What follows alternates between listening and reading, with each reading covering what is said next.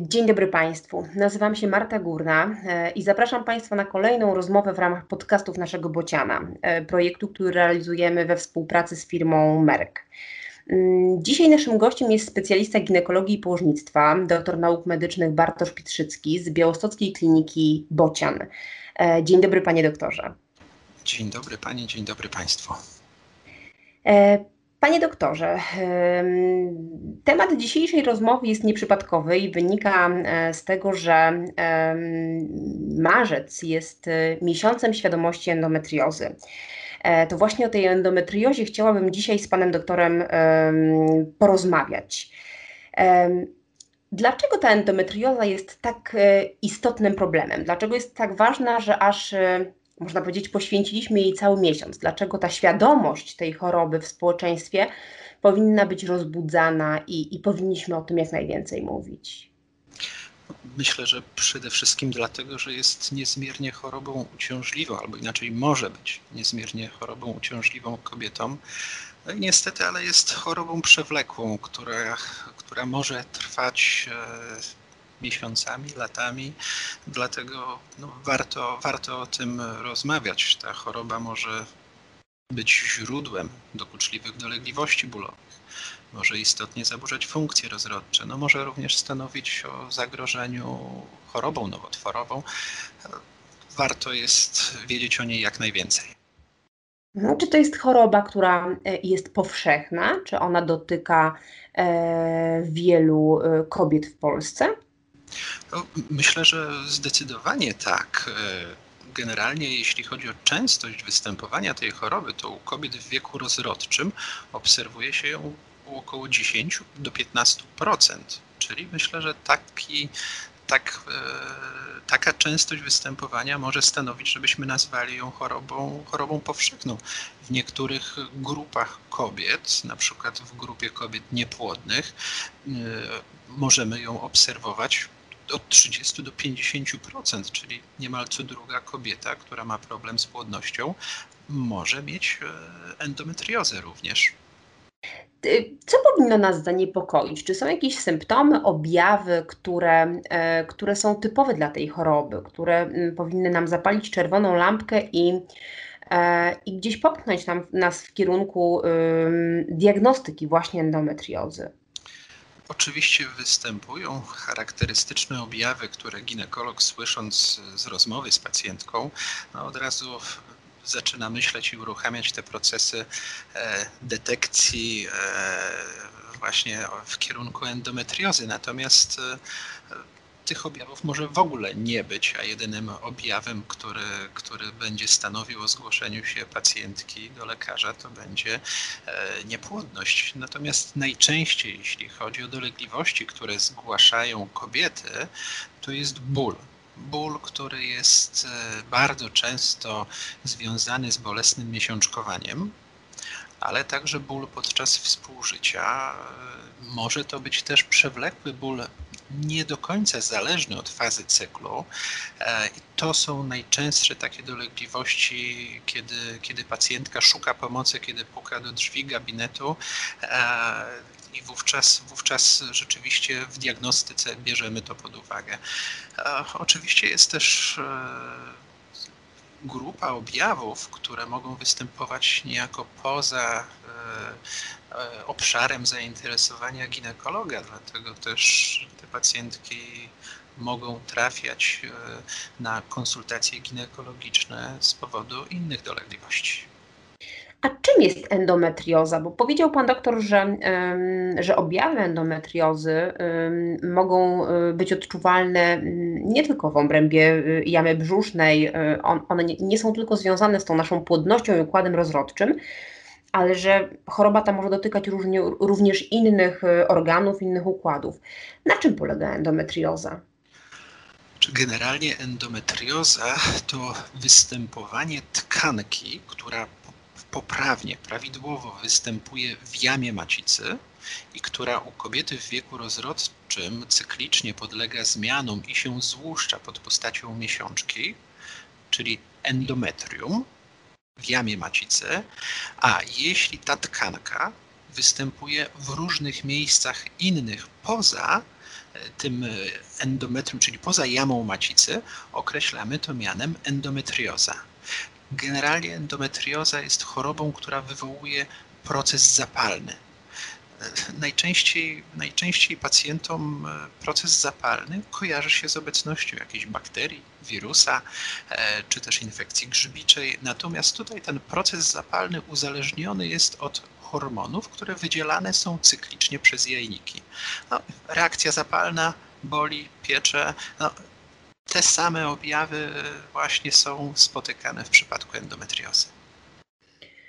Czy każdy ból okołomenstruacyjny świadczy o nieprawidłowościach?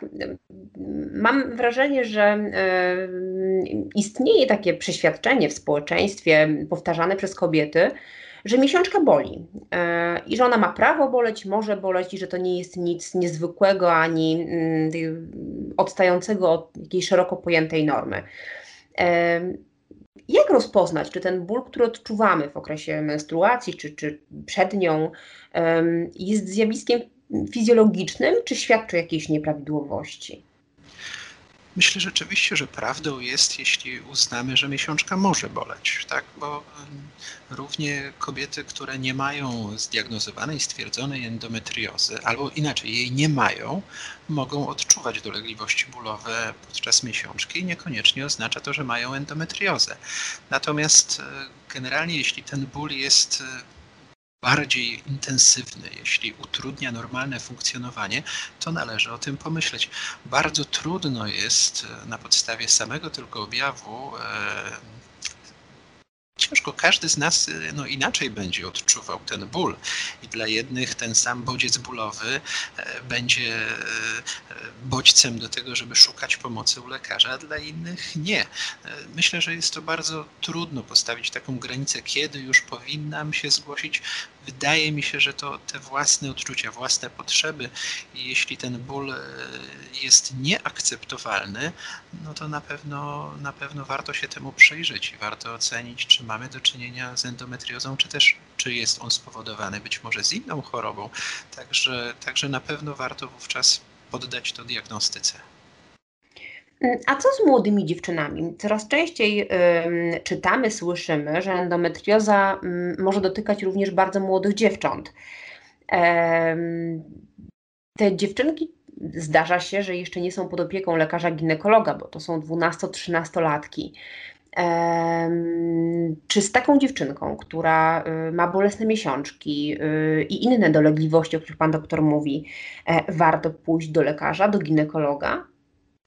Myślę, że każdy rodzic będzie chciał e, sprawdzić, czy, czy dziecko jest na pewno zdrowe. Rzeczywiście endometrioza u bardzo młodych e, kobiet albo u dziewczynek występuje rzadziej tak? Najczęściej to domena mm, już e, kobiet młodych, tak, ale raczej po 20 rokiem życia. Chociażby jeśli przyjrzymy się, dlaczego na Oczywiście to są teorie występowania endometriozy jako cofanie się krwi miesiączkowej i wszczepianie się fragmentów endometrium w te różne miejsca, to im więcej tych miesiączek kobieta ma za sobą, to tym większe jest ryzyko, że ona tą endometriozę będzie miała. Oczywiście to, to jest tylko teoria dotycząca jedna z teorii, ale taka, w którą myślę, że najbardziej, e, najbardziej wierzymy dla której powstaje e, endometrioza. Dlatego też no, przy pierwszej miesiączce to się nam raczej nie ujawni, przy drugiej, przy trzeciej. Być może dlatego jednak e, w grupie bardzo, bardzo młodych e, dziewcząt, kobiet rzadziej spotykamy endometriozę, ale też również oczywiście występuje. Mhm. E, analizując badania, można trafić na takie informacje, że endometrioza e, bywa bardzo późno diagnozowana. E, rzeczywiście w rozmowach z pacjentkami często słyszymy, że na taką ostatecznie postawioną diagnozę czekały nawet niewiele miesięcy, ale niejednokrotnie wiele lat. Dlaczego ta diagnostyka jest tak trudna? I jak ona powinna wyglądać? Jak powinna wyglądać taka modelowa diagnostyka endometriozy? Ja bym się troszkę temu nie dziwił, bo to może spojrzenie bardziej ze strony pacjenta. Natomiast no, tak naprawdę to gdybyśmy chcieli zdiagnozować u wszystkich naszych pacjentek, które zgłaszają się z dolegliwościami bólowymi, a my w badaniu ginekologicznym, w badaniu ultrasonograficznym e, nie widzimy żadnych niepoprawności, to powinniśmy od razu wykonywać laparoskopię, żeby postawić diagnozę, bo jeśli byśmy chcieli taki złoty standard, e, najlepszą metodę do stwierdzenia, czy kobieta ma endometriozę, czy nie, to już jest zabieg operacyjny, bo on bardzo dokładnie, bardzo, no można powiedzieć, doskonale jest w stanie nam stwierdzić nie tylko, czy kobieta ma endometriozę, ale również ocenić jej stopień zaawansowania. E, cały zakres zmian, które wywołuje choroba w danym momencie. Natomiast no, jest, trzeba pamiętać, że jest już to operacja i dlatego też mm, ta decyzja o tym, żeby diagnozować chorobę czy nie, może być odwleczona w czasie. Trzeba pamiętać, że no, w jaki sposób my e, badamy albo jakie są narzędzia nasze diagnostyczne. No, po pierwsze to rozmowa z pacjentką, e, no ale na podstawie samej rozmowy, jak ustaliliśmy, że może być endometrioza, ale wcale nie musi.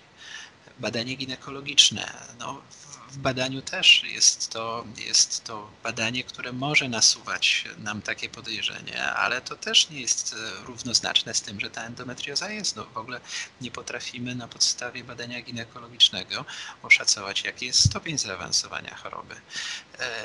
E, badanie ultrasonograficzne, e, ok, tu już jesteśmy, jesteśmy bardziej też, można powiedzieć, wyposażeni w narzędzie, które daje nam możliwość obrazowania.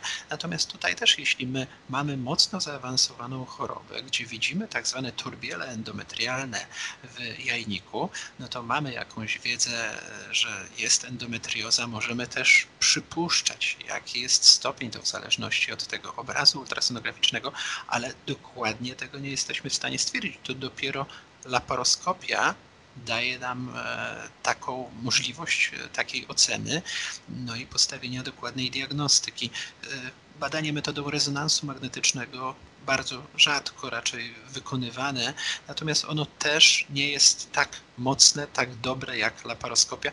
Myślę, że z tego może wynikać fakt, że taką ostateczną diagnozę można uzyskać, no, można uzyskać późno. Natomiast no, też myślę, że to nie jest nic złego. Ja bym tego nie nazwał, że jest, to, że jest to złe, bo my trzeba pamiętać, że często leczymy empirycznie, to znaczy podejrzewamy, że jest endometrioza, już nawet bez laparoskopii, i wówczas możemy już włączyć leczenie, które powinno e, być e, no, sprawdzone, czy, czy to leczenie działa potencjalnie na e, dolegliwości wywołane przez endometriozę. Także ja bym chyba nie był, nie był zmartwiony tym, że ktoś może bardzo długo, no bo co określimy mianem, że mam późno postawioną diagnozę, to rozumiem, że nie wykonano laparoskopii szybko, tylko, tylko no z jakimś, w jakimś odstępie czasowym. Nie do końca to jest niepoprawne, natomiast no nie możemy pozwolić, żeby pacjentka przez ten czas miała dolegliwości, a my jej nie leczyliśmy, bo nie mamy diagnozy. Mhm. Także to jest niedopuszczalne. Wspomniał Pan, Panie doktorze, o y, stopniach endometriozy. E, rzeczywiście, czytając o endometriozie, e, często spotykamy się z określeniem, że to jest endometrioza pierwszego, drugiego, trzeciego stopnia. Dla wielu y, kobiet, szczególnie tych, y, które są właśnie na początku tej diagnostyki, te liczby nic nie znaczą i niczego im nie mówią. Czy mogłabym prosić, żeby Pan wyjaśnił naszym słuchaczom, jak czytać te poszczególne stopnie zaawansowania choroby? Generalnie bym chyba postawił taką linię oddzielającą pomiędzy drugim a trzecim stopniem, czyli generalnie endometrioza pierwszy i drugi stopień, to raczej mówimy o endometriozie minimalnej, łagodnej, e, gdzie występują zmiany powierzchniowe e, endometriozy na tak zwanej otrzewnej albo na na powierzchni narządów.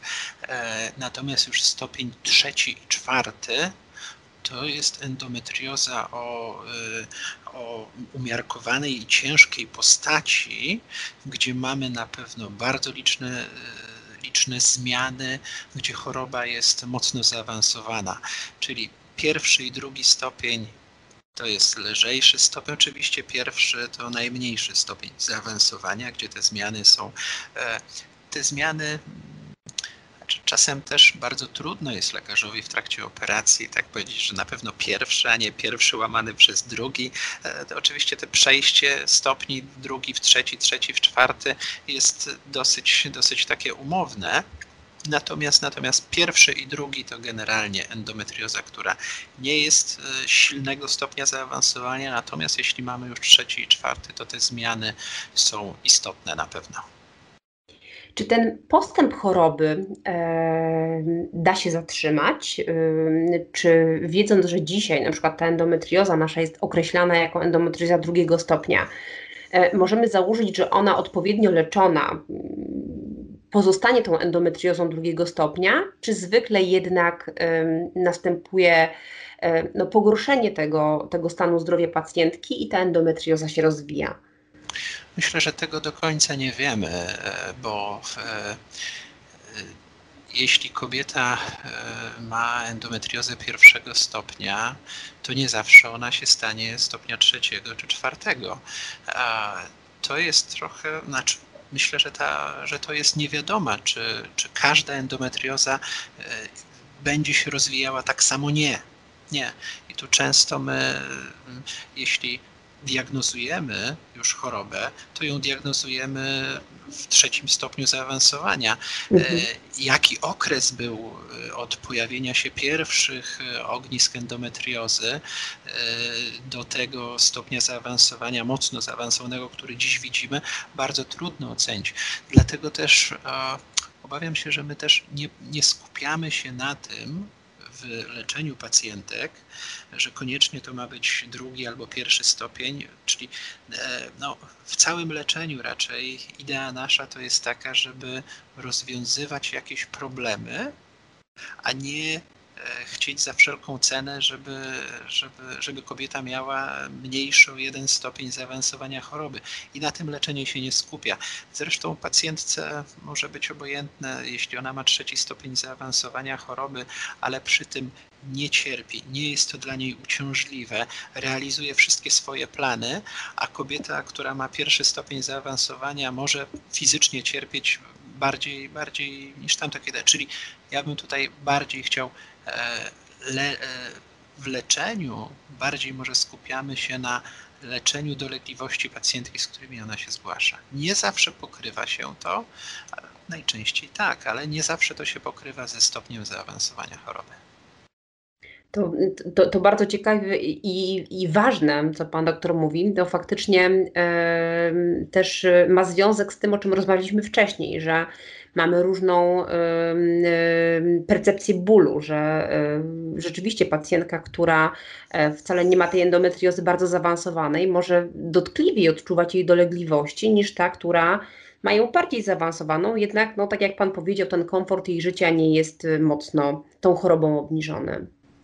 Tak, tak, tak. Tak często widzimy, że wydaje się nam, że e, może ja dam przykład e, inny taki, że operując pacjentkę widzimy, że ten stopień zaawansowania choroby naprawdę jest znaczny, natomiast ona w wywiadzie może nie zgłaszać żadnych dolegliwości, a my tylko jesteśmy w stanie zdiagnozować to badając ją ginekologicznie, robiąc e, badanie ultrasonograficzne e, i w ten sposób możemy ją wykryć. Tak, jest to bardzo indywidualne.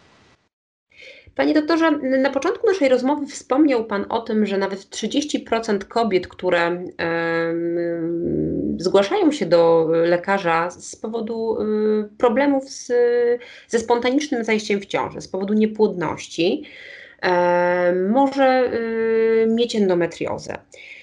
W jaki sposób endometrioza upośledza płodność? Dlaczego ta choroba ma tak duże przełożenie na to, czy to zajście w ciążę y, jest proste, czy staje się poważnym problemem? Ja bym tutaj podzielił, podzielił te przyczyny na dwie grupy. Grupę może rzadszą to są e, sytuacje, które są widzialne, czyli przyczyny widzialne, jak endometrioza może zaburzać płodność kobiety, i niewidzialne, te widzialne to endometrioza poprzez wytworzenie reakcji zapalnej może prowadzić do e, najczęściej nieodwracalnego uszkodzenia struktury jajowodów i ich niedrożności, przez co niemożliwe staje się staje się kontakt plemnika z komórką jajową, niemożliwe staje się zapłodnienie. E, natomiast myślę, że to, co nas frapuje często, e, to są te czynniki niewidzialne, o których no wiemy tylko teoretycznie. Trudna, trudna może być sytuacja, żeby wyjaśnić pacjentce, my wiemy teoretycznie, w jaki sposób endometrioza może negatywnie wpływać na płodność, może obniżać płodność, bo to jest kwestia samej jakości komórki jajowej, czyli e, w płynie pęcherzykowym u kobiet z endometriozą jest więcej substancji prozapalnych tak zwanych i mogą mieć one wpływ na jakość komórki jajowej, Niestety tego w żadnym badaniu nie widać. To widać e, lecząc pacjentów metodą zapłodnienia pozaustrojowego. E, to jest też kwestia e, już drugiej zupełnie rzeczy, tak zwanej receptywności endometrium. To jest kwestia środowiska, które jest w jajowodzie, a które jest istotne dla prawidłowego rozwoju w pierwszych godzinach i dniach po zapłodnieniu. Natomiast to są wszystko rzeczy, które są niezauważalne i nie potrafimy ich e, badać e, w takim życiu codziennym, w naszej praktyce, no, na pewno, na pewno wielu lekarzy wiele by dało, żeby móc e, takie narzędzia diagnostyczne mieć. Pewnie tak. Powiedział Pan, Panie doktorze, o niedrożnych jajowodach. Czy to oznacza, że te pacjentki, które rzeczywiście e, już tą endometriozę będą miały zdiagnozowaną i już wiemy, że one mają również e, problem z, ze spontanicznym zajściem w ciążę, to są pacjentki, które e, są kierowane do właśnie zabiegów in vitro, no bo przy niedrożnych jajowodach no w zasadzie na próżno szukać innych metod po, pomocy niepłodnym parom. No, nie potrafimy inaczej pomagać w takiej sytuacji jak wygląda szansa na zajście w ciążę, na to, że para, która do Państwa trafia właśnie z taką niepłodnością, u której y, y, to podłoże to jest właśnie endometrioza, jaką statystycznie taka para ma szansę na, na to, że będzie w ciąży i że u, urodzi dziecko? Proszę, proszę mi wybaczyć, że ja tutaj może taką uwagę e, zastosuję bo nie wiem do kogo porównać, tak? Szansa, szansa ma tak, jaką ma każda inna para, bo raczej nikt zdrowy do in vitro nie podchodzi, nie przystępuje, a chcielibyśmy tak naprawdę porównywać, e, porównywać e, tych pacjentów do zdrowych pacjentów, ale takiego porównania oczywiście nie mamy. Także tutaj oczywiście e, te szanse są takie same, podobne, tak jak i innych pacjentów. Generalnie o szansach przy in vitro to najbardziej decyduje wiek kobiety, którą my leczymy, e, w mniejszym stopniu z jakiego powodu my ją leczymy. Oczywiście to też jest istotne, bo to, to kwestia na czym my mamy się skupić w leczeniu, bo, bo in vitro to też jest kwestia e, zindywidualizowania naszej, naszego sposobu podejścia do pacjentów. E, e, natomiast e, te szanse są tak jak no, większości pacjentów, które, których leczymy, natomiast tutaj bardziej może e, w jakim wieku kobietę leczymy, a może nie z jakiego powodu my leczymy pacjentów za pomocą in vitro. O wieku słyszymy bardzo często, dlatego też to początkowe pytanie, do, znaczy początkowe, z wcześniejszego etapu naszej rozmowy dotyczące tej, tej e, diagnostyki i rozpoznania. Tylko, że mm, proszę mnie poprawić, jeżeli się mylę, ale tutaj w sytuacji, kiedy my mamy mm, wiedzę na temat niedrożnych jajowodów u pacjentki, to w zasadzie ta geneza tych wzrostów jest może mniej istotna niż sam fakt, że one występują, prawda? I tutaj ta, ten, ten wybór metody leczenia niepłodności e, i tak będzie taki sam, bo, bo to będzie wskazanie do zabiegu zapłodnienia pozaustrojowego.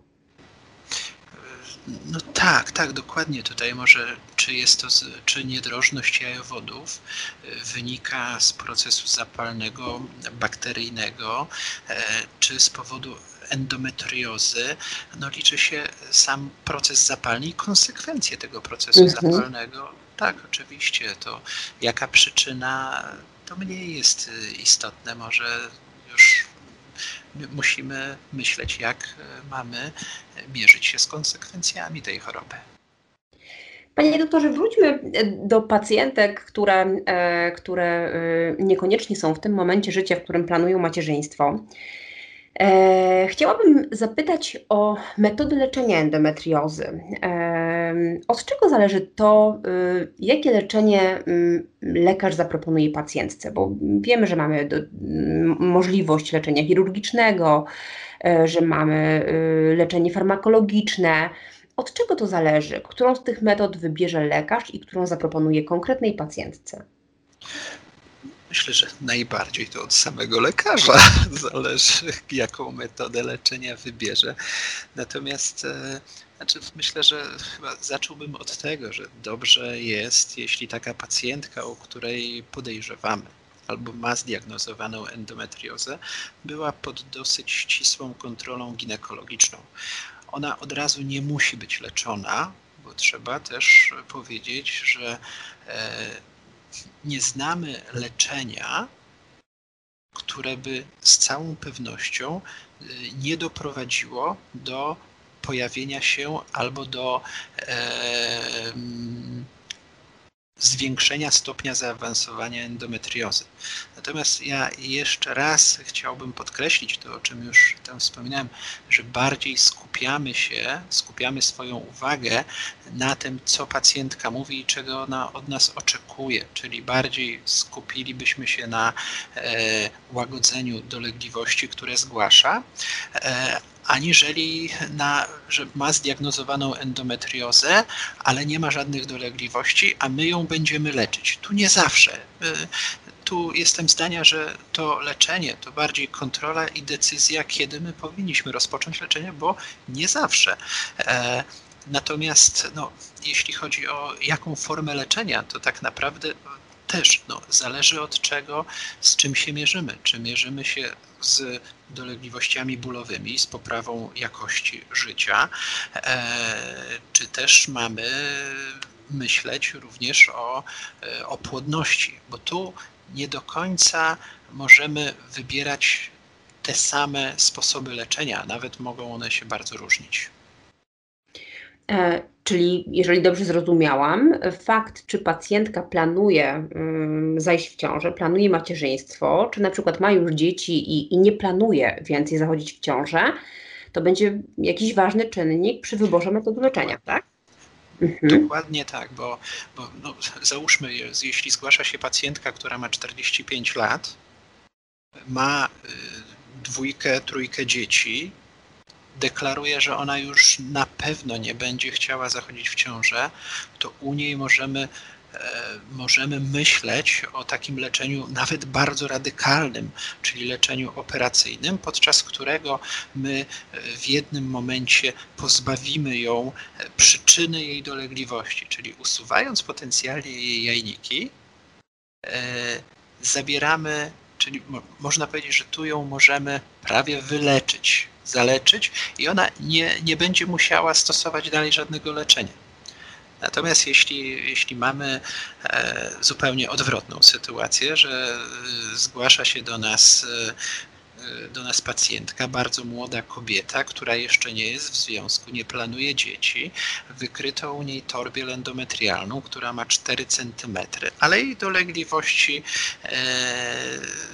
w zasadzie można powiedzieć, że nie występują, ale okej, okay, ma 4 cm torbiel, to myśląc o jej przyszłości, nie od razu rzucamy się z nią do operacji i nie od razu ją powinniśmy operować, bo my czasem możemy jej finalnie zaszkodzić tą naszą operacją. Także to takie decyzje e, no one nie są tak czarno-białe, to musimy e, myśleć też o konsekwencjach naszego leczenia.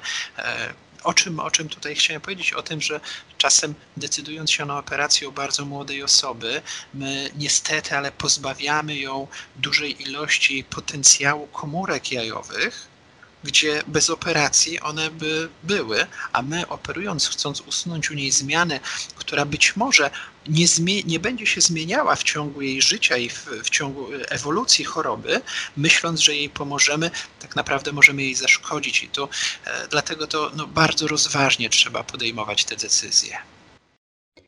A tutaj chciałabym jeszcze dopytać, bo powiedział Pan doktor, że nawet przy takich bardzo radykalnych y, zabiegach y, operacyjnych, możemy liczyć na to, że, mm, że być może uda nam się tą pacjentkę zupełnie wyleczyć. Czy można przez to rozumieć, że nawet taka radykalna operacja mm, może nie wystarczyć i endometrioza może pod jakąś postacią wrócić po takim radykalnym zabiegu? To znaczy, e, radykalny zabieg to mm, rozumiałem, żebyśmy usunęli pacjentce jajniki, mhm. które produkują hormony, które uaktywniają chorobę. Czyli jeśli my zabierzemy jajniki, to skończy się aktywacja tych niepoprawnie występujących komórek i można powiedzieć, wyłączymy zasilanie dla tej choroby. Natomiast, natomiast ta choroba do czasu naszej operacji już coś zrobiła. I tego czegoś możemy nie umieć odwrócić, czyli e, można, można na przykładzie rany i blizny. Czyli jeśli ta choroba spowoduje jakąś ranę, to pozostanie blizna, a my tej blizny nie zamienimy na tkankę e, sprzed zranienia, na tkankę zdrową. Czyli blizna może dawać finalnie jakieś konsekwencje. Natomiast e, ten radykalizm to tak naprawdę e, usunięcie energii dla rozwoju, dla dalszego rozwoju choroby i dla dolegliwości. Panie doktorze, chciałam zapytać o związek hmm, endometriozy z, ze zwiększonym ryzykiem e, choroby nowotworowej. Czy ta endometrioza jest swego rodzaju stanem przednowotworowym? Czy istnieje większe ryzyko e, chociażby raka jajników e, u pacjentek e, chorujących na endometriozę? Rzeczywiście operując pacjentki, to traktujemy endometriozę, te zmiany, które ona może wywoływać, mogą bardzo przypominać zmiany, które wywoływane są przez chorobę nowotworową. No i czasem te operacje są naprawdę bardzo trudne, tak jak e, operacje onkologiczne, gdzie no, trzeba się wykazać olbrzymią precyzją e, i wysiłkiem. tak, endometrioza może stanowić również istotne zagrożenie nowotworowe to, co e, wiemy, to endometrioza zwiększa ryzyko e, nowotworu jajnika, dwóch w zasadzie takich raka endometrialnego i raka jasnokomórkowego. Tylko od razu chciałbym zaznaczyć, żeby pacjentki, które, które e, słuchają nas, a mają endometriozę, również na tego rodzaju nowotwory chorują kobiety, które endometriozy nie mają. Natomiast, natomiast tak, endometrioza zwiększa to ryzyko. W doniesieniach również można, można znaleźć informację, że jest zwiększone ryzyko e, innych nowotworów, aniżeli nowotwory jajnika, tak jak rak jelita grubego, również rak nawet tarczycy, czy też, czy też czerniak też może występować częściej u kobiet z endometriozą. Być może ten mechanizm e, e, też wynika z faktu, że nie wszystkie kobiety chorują na endometriozę, czyli być może są też jakieś mechanizmy e, łączne, e, spójne, które odpowiadają za pojawienie się i endometriozy, i za pojawienie się e, choroby nowotworowej. Być może nie chodzi tutaj o, o sam ten czynnik, który wywołuje chorobę, ale o reakcję organizmu, o obronność organizmu. Być może tak jest, ale to, to na razie teorie. Ale czy, czy, to zwiększone ryzyko e, choroby nowotworowej, nieznacznie jak mówił Pan doktor, ale jednak e, powinno nas skłonić do jakichś dodatkowych badań? E, czy, czy, sam fakt pozostawania pod opieką ginekologa, o czym już Pan wspominał, że jest to bardzo istotne przy endometriozie, będzie już wystarczającym zabezpieczeniem, no, dlatego żeby wyłapać ewentualnie wczesne symptomy choroby? Myślę, że to jedyny sposób tak naprawdę, bo nie ma badań, które są swoistych e, bezwzględnie dla e, choroby, e, dla choroby nowotworowej. Znaczy, my w badaniach najczęściej widzimy albo jajnik zdrowy, albo chory. E, i e, nie ma takich markerów, antygenów, które byśmy mogli zbadać i które mają gdzieś linię odcięcia, że do tej wartości to mamy proces łagodny, a powyżej tej wartości proces złośliwy. E, wydaje się, że no tutaj dobrze prowadzona opieka nad pacjentką, tak to bym nazwał ścisła kontrola, gdzie, gdzie można, mm, można porównywać ewolucję tych zmian, e, nawet u kobiet wiele lat po menopauzie, bo no to, co też trzeba, trzeba, trzeba powiedzieć, no choroby nowotworowe jajnika, to też e, gdzieś przekładamy to na kobiety, które są troszkę starsze już. Endometrioza mm, to jest choroba, którą dziedziczymy po, po, po naszych mamach, babciach, czy, czy raczej nie? myślę, że trzeba powiedzieć, że tak, może e, nie zawsze musimy ją odziedziczyć, ale uważa się, że e, niemal siedmiokrotnie wyższe ryzyko wystąpienia endometriozy jest u kobiet, u których krewna pierwszego stopnia tak zwana była obciążona tą chorobą, także myślę, że to jest e, że to jest prawda, natomiast opiekuję się pacjentkami, którymi, które mają siostry i wszystkie mają tą samą chorobę.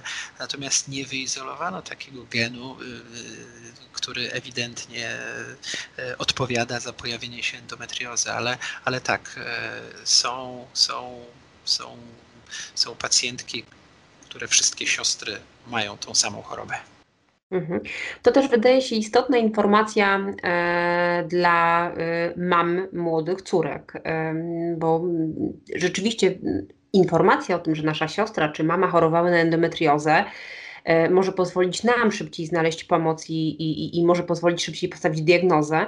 Ale tutaj nawiązując do tego, co mówiliśmy o młodych dziewczętach, też, też myślę, że ważna informacja dla naszych słuchaczy jest taka, że jeżeli już wiecie Panie, że chorujecie na endometriozę, macie córki, e, to warto też e, z nimi o tym rozmawiać, e, szczególnie w tym czasie, kiedy już będą dojrzewały i będą stawały się młodymi kobietami. No, żeby one też miały szansę mieć tą wiedzę o waszej chorobie i o tym, że może je też ta choroba dotknąć. Myślę, że tak.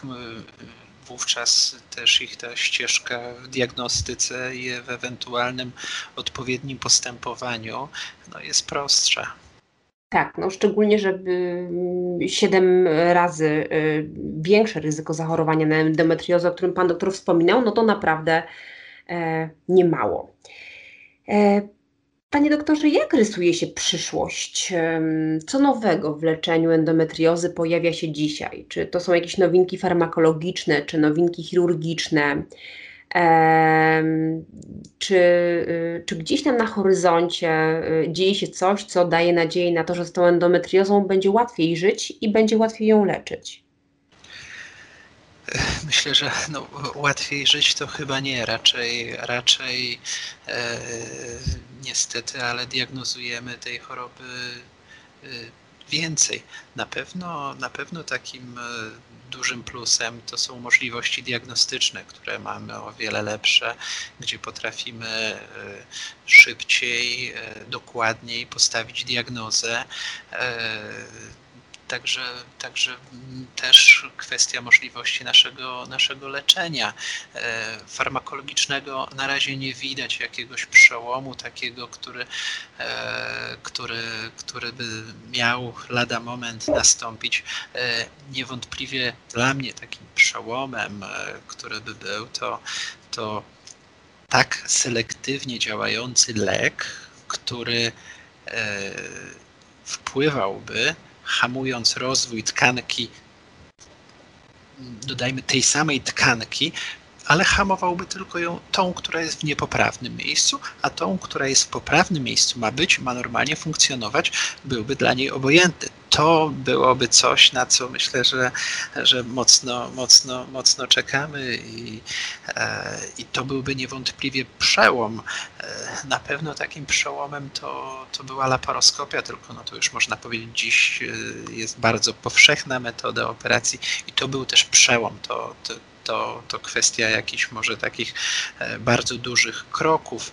E, laparoskopia, wizja którą, którą mamy przy, przy laparoskopii, no jest też coraz lepsza. Y, mamy do zastosowania różnego rodzaju filtry, które czasem, e, czasem nawet ten obraz wydaje się już bardzo dokładny, ale nałożenie jakiegoś filtru pozwala nam zobaczyć ogniska, które, które są niewidoczne. Generalnie to, no, to właśnie dzięki laparoskopii mamy ten obraz w olbrzymim powiększeniu, a teraz no, można powiedzieć w jakości też coraz lepszej. No niestety te wszystkie urządzenia urządzenia nie są wieczne, zużywają się, no i są bardzo kosztowne. Natomiast, no tak, to są też jakieś, jakieś kroki, można powiedzieć, tylko y, myślę, że takim przełomem to była właśnie wprowadzenie laparoskopii. Natomiast no już teraz y, coraz lepsze, lepsze wizualizacja tego. To myślę, że są dalsze jakieś kroki. Pewnie będzie się to poprawiało, będziemy mieli jakieś gogle, może będzie łatwiej, przyjemniej pewnie jeszcze operować bezpieczniej dla pacjentek. A y, panie doktorze, nów plazmowy, y, o którym coraz więcej się pisze i czyta, są ośrodki, które chwalą się, że właśnie stosując y, przy zabiegach ten typ narzędzia chirurgicznego, no efekty uzyskiwane są lepsze, a ryzyko nawrotów choroby znacznie mniejsze. Mm, czy to rzeczywiście jest, jest jakiś przełom? Czy warto szukać w przypadku konieczności operacji ośrodka, który dysponuje takim narzędziem? O, ja bym tutaj może tak powiedział tylko, że sam nóż plazmowy nie leczy to ręka e, doktora, która, tak. która go używa, e, jest chyba tym, tym właśnie narzędziem. Znaczy, Myślę, że myślę, że no tutaj e, niewątpliwie dążymy do coraz lepszej precyzji, precyzji w, w e, operowaniu oraz do oszczędzania tkanek, których e, nie chcemy uszkodzić. I jest to pewnego rodzaju forma, która zwiększa, zwiększa nam możliwość naszych operacji, która zwiększa nam zakres operacji, bo no, kwestia jest, jeśli my koagulowaliśmy to e, i niszczyliśmy też wokół e, tkanki, której nie chcieliśmy zniszczyć, e, no, stanowiła niejako szkodę e, dla pacjentki. Tutaj tak, tylko no, ja jeszcze raz powtórzę, nóż sam się nie porusza, sam nie leczy. Zakładam, że to narzędzie jest w ręku doskonałego operatora, oczywiście. Natomiast y, no, opowieść o leku, który potraktowałby selektywnie y, komórki w miejscu, w którym powinny być, y, oszczędziłby je, a tam, gdzie nie powinno ich być, zaatakował. Rzeczywiście brzmi dobrze i, e, i byłoby fantastycznie, gdyby, e, gdyby taka terapia e, mogła być dla pacjentek w przyszłości dostępna. E, ale wróćmy jeszcze na moment na Ziemię.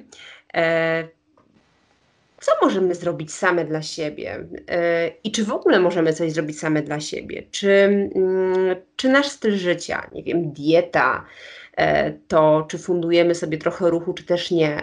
Czy, czy tego typu zachowania i, i decyzje codzienne mogą nam pomóc w dobrym funkcjonowaniu z endometriozą, czy raczej pozostają bez, bez dużego wpływu? To znaczy, no, tutaj kwestia, co jest naszym.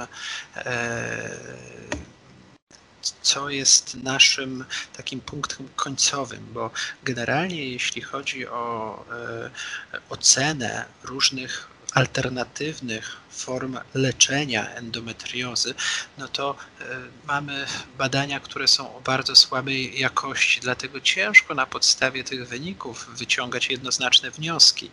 I no, to, co wiemy, czy akupunktura, medytacja, leczenie za pomocą ziół, e, suplementy diety, homeopatia, e, medycyna chińska i wiele, wiele innych nie mają korzystnego wpływu na płodność u kobiet z endometriozą, ale niewątpliwie dodatkowo dołączenie do tego leczenia które prowadzimy, może poprawić ich jakość życia, czyli niewątpliwie no, warto przede wszystkim, żeby, żeby kobieta, e, tak jak w innych wielu schorzeniach, e, dbała o to, żeby mieć prawidłową masę ciała, dbała o to, żeby jej dieta była jak najlepsza, dbała o swoją kondycję psychiczną też. Myślę, że to są jakieś ziarnka, które finalnie mogą się przyczynić do tego, że to odczucie szczęścia będzie większe. Panie doktorze, bardzo y, serdecznie dziękuję Panu za to, że znalazł Pan dla nas czas, ale przede wszystkim dziękuję za to wszystko, y, czego dowiedzieliśmy się podczas dzisiejszej rozmowy. Jestem przekonana, że, że to bardzo, y, bardzo cenna i ważna rozmowa dla naszych słuchaczek. Dziękuję raz jeszcze. E, naszym gościem był e, pan doktor e, Bartosz Pietrzycki, specjalista ginekologii i położnictwa. Z panem doktorem możecie spotkać się w Białostockiej Klinice Bocian.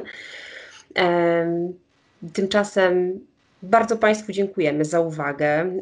Zapraszamy do słuchania poprzednich, ale też kolejnych podcastów naszego Bociana.